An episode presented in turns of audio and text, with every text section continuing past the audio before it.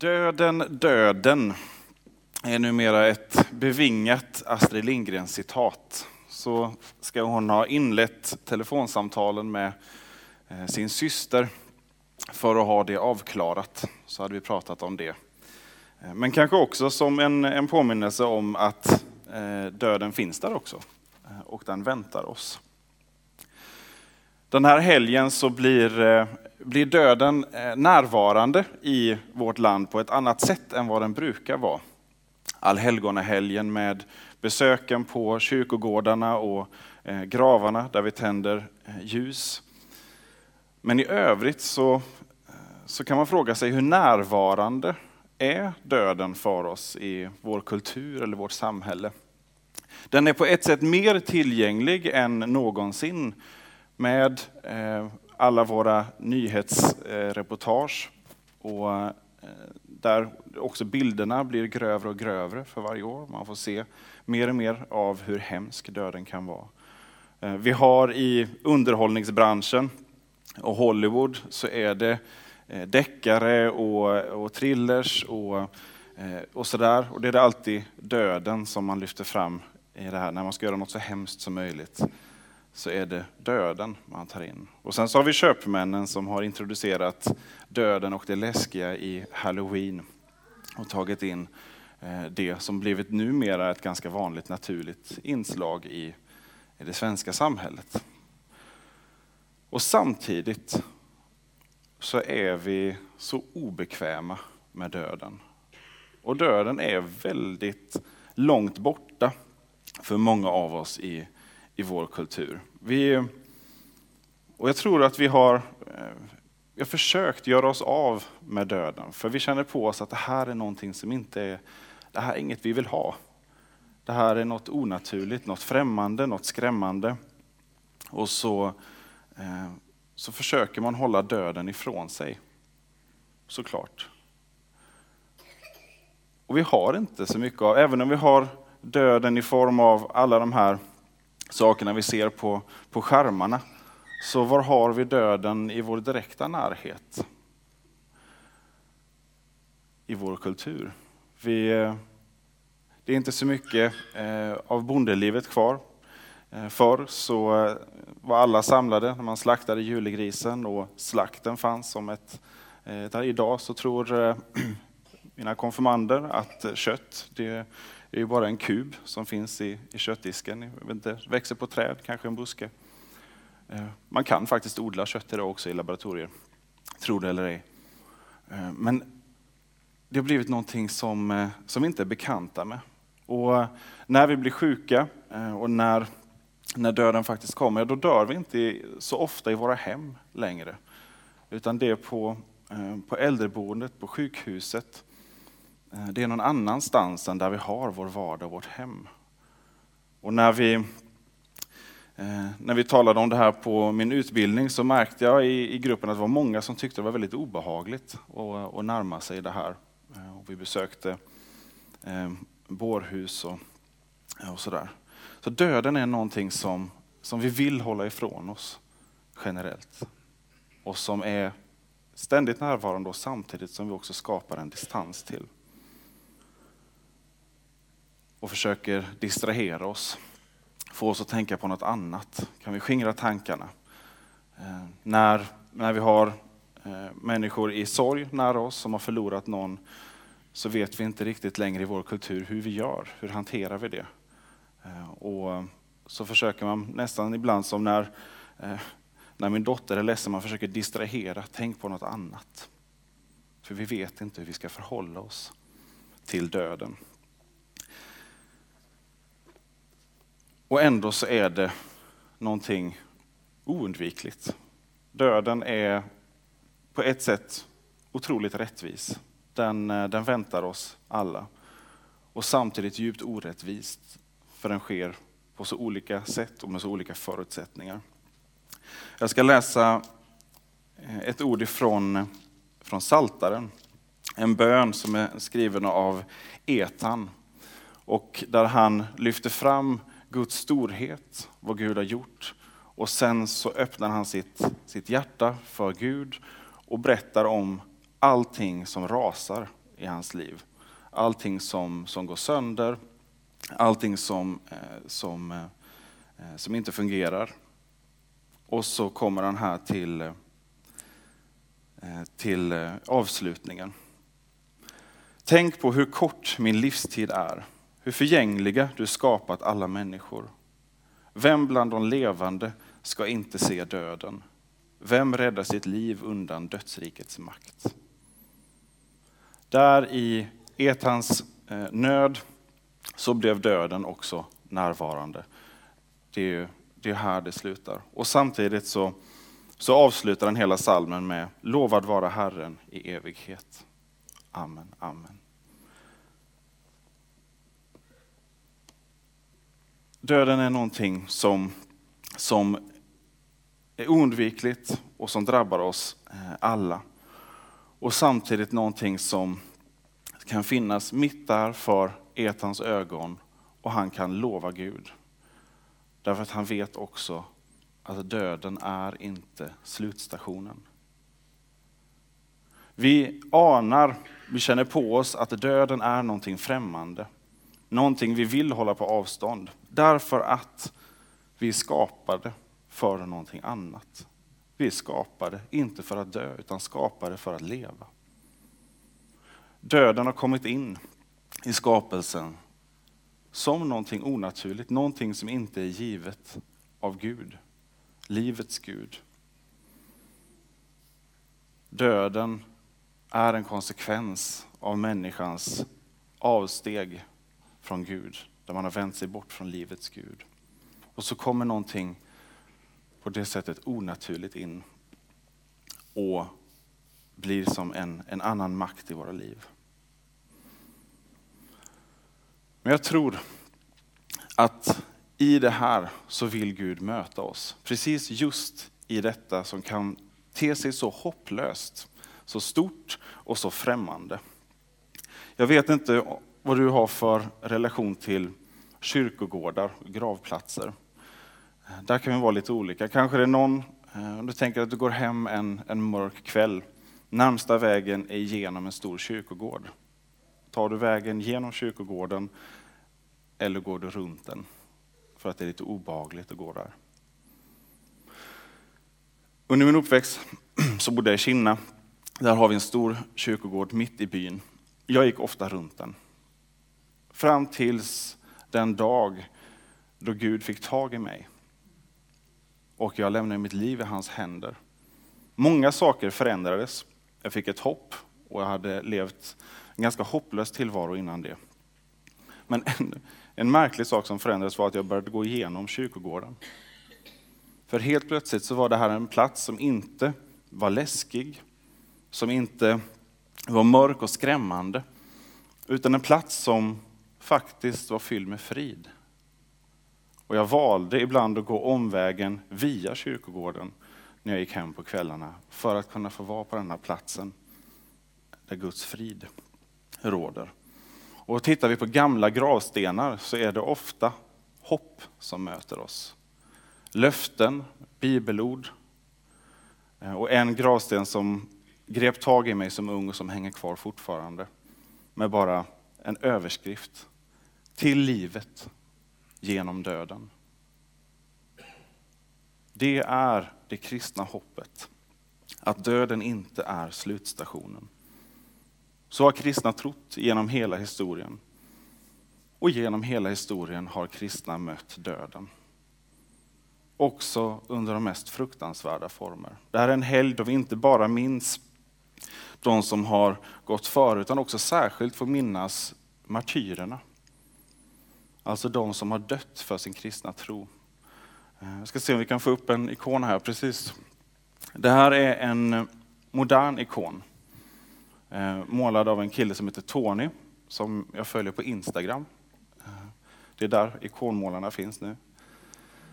Han målade den här efter att IS hade släppt videon där de skär halsen av 21 stycken koptiska kristna. En video som skakade västvärlden och som skakade kyrkan. Och då målade Tony, eller skrev den här ikonen som man brukar säga. till minne av de här martyrerna. Som mötte döden på en strand, men som visste att de inte bara mötte döden, utan genom det också fick möta sin Gud. I ikonen här så ser vi kungakronor där uppe. Kronor som, eh, som målas upp i Uppenbarelseboken, bland annat. Kronor som ska sättas på, på den troendes huvud när vi får möta Herren efter döden. De som har fått lida här på jorden kommer få sina tårar torkade och sina huvuden krönta i mötet med Gud efter döden. För de här martyrerna och bara häromdagen så fick vi veta ytterligare koptiska kristna. Sju stycken som blev dödade också av IS. De var på väg från en dopgudstjänst. I det här, mitt i det fruktansvärda, mitt i den otroliga ondskan som det innebär med den här islamistiska terrorismen, så finns mitt i det här, mitt i det här så finns hoppet och vetskapen om att det här är inte slutet. Döden har inte det sista ordet. Döden är inte en slutstation. Det är en hållplats där vi får byta till nästa tåg mot livet. Talar vi om döden så måste vi också tala om livet. För även om döden är det som skiljer oss från livet så är de ändå oskiljaktiga. Och hör tätt samman. Och jag tror att vad vi tror om döden, det påverkar också vad vi tror om livet. Vad vi tror om döden formar vårt sätt att leva. Utan en Gud som skapat oss, där vi bara är summan av ett antal slumpmässiga mutationer, ja då är det bara utslocknande som väntar. Tomhet. Men med Bibelns skapande Gud så är vi förvisso stoft men stoft med Guds livsande, med en själ, skapad för att leva. Men i ett samhälle som har glömt bort detta, eller inte bara glömt bort utan valt bort att tala om en skapande Gud, så har vi eh, ett samhälle som präglas av enorma insatser för att hålla döden på avstånd försäkringar, skyddsåtgärder, säkerhetsbarriärer. Allt för att minimera risken eh, att någon av oss möter döden. Vi kan försöka förlänga livet till varje pris som helst. Forskar ständigt på hur, hur kan vi hindra åldrandet? Finns det någon gen vi kan mutera så att man slutar åldras vid 35 eller vad man nu... Vi vill undan döden. Därför att det är någonting mörkt, tomt, hotfullt. Eh, någon har beskrivit vår kultur, eller oss i den här kulturen, som trygghetsnarkomaner. Vi söker trygghet och säkerhet till varje pris. Jag tror att det hänger ihop med vår, med vår rädsla för döden. Och om vi lever liv där vi försöker på alla sätt och vis skydda och undvika det oundvikliga. Vad blir det för liv av det? Det absolut säkraste vore ju kanske att stänga in sig någonstans, aldrig gå ut. Aldrig utsätta sig för eh, minsta farliga substans som kan finnas, hålla en strikt kost och, eh, och sådär. Men är det ett liv? Där vi eh, undviker allt som, som skulle kunna vara en risk och föra oss nära döden. Det kristna hoppet talar om att döden inte är slutstationen. Att mörkret inte är definitivt. Inte bara för vad som finns på andra sidan döden, Utan det kristna hoppet talar om det också för att det är ett liv att leva här och nu. Idag. Från och med nu. Idag är frälsningens dag, säger Bibeln. Gud är i nuet. Också här vill han ha livets hopp för oss. Att det ska få leda oss. I Johannes evangeliet kapitel 11 så blir eh, Jesus eh, kallad till sina vänner i Betania. Det är en syskonskara där han umgås med. Eh, Marta, Maria, Lazarus. Lazarus ligger sjuk. Jesus dröjer och Lazarus dör. Jesus kommer fram så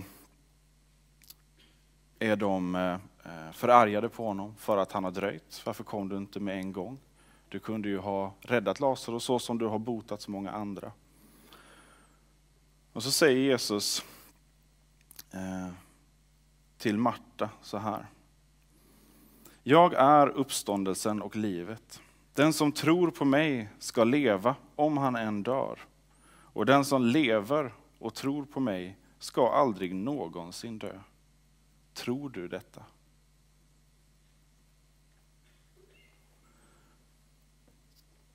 Livet är givet av Gud som har skapat oss för att det ska levas.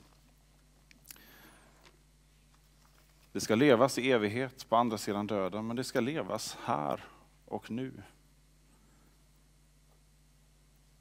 I frihet, inte bundna av rädsla för varken döden eller något annat. Utan frihet, en frihet som kommer av det hoppet som Jesus talar om här. Att han är uppståndelsen och livet.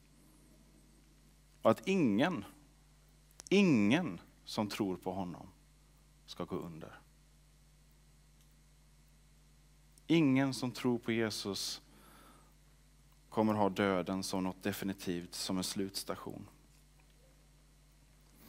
Och när vi en sån här helg minns de som har gått före, de som har dött, alla omskrivningar för att dö också är ett tecken på hur vi försöker hålla döden ifrån oss.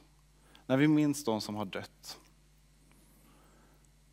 idag, den här helgen,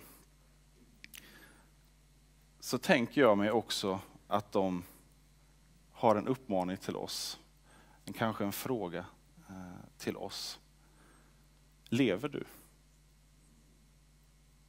När vi saknar de som inte längre lever så kan jag tänka mig att en fråga ekar från dem. Men lever du?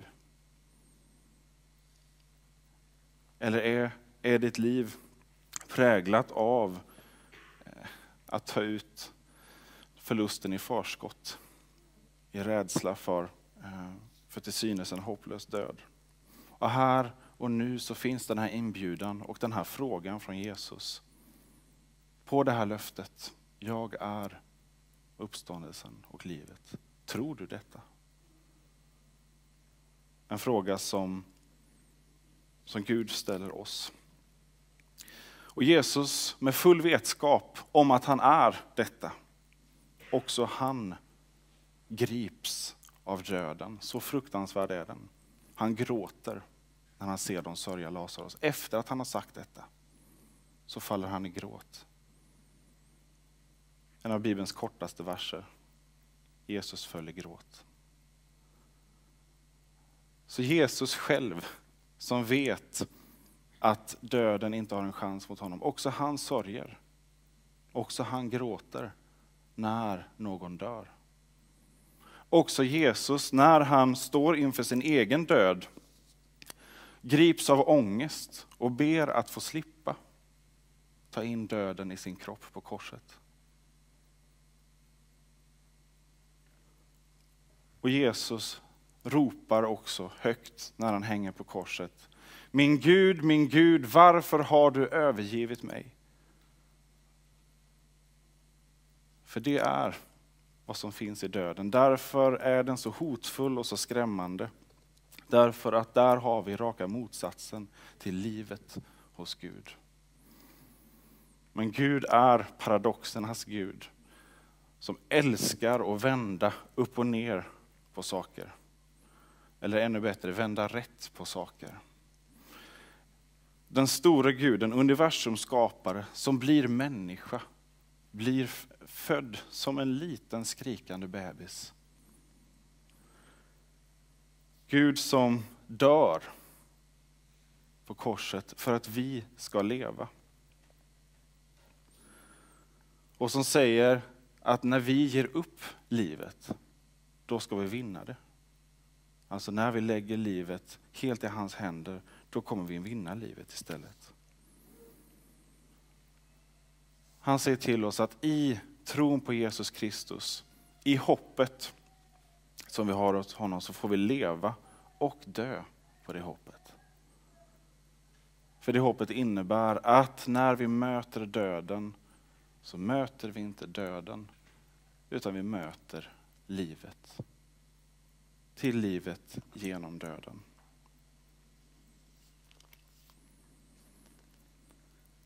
I begynnelsen fanns ordet, och ordet fanns hos Gud, och ordet var Gud. Det fanns i begynnelsen hos Gud. Allt blev till genom det, och utan det blev ingenting till av allt som finns till. I ordet var liv, och livet var människornas ljus. Och ljuset lyser i mörkret, och mörkret har inte övervunnit det. Det kom en man som var sänd av Gud, hans namn var Johannes. Han kom som ett vittne för att vittna om ljuset, så att alla skulle komma till tro genom honom. Själv var han inte ljuset, men han skulle vittna om ljuset. Det sanna ljuset som ger alla människor ljus skulle komma in i världen. Han var i världen, och världen hade blivit till genom honom, men världen kände honom inte. Han kom till det som var hans, och hans egna tog inte emot honom. Men åt dem som tog emot honom gav han rätten att bli Guds barn. Åt alla som tror på hans namn.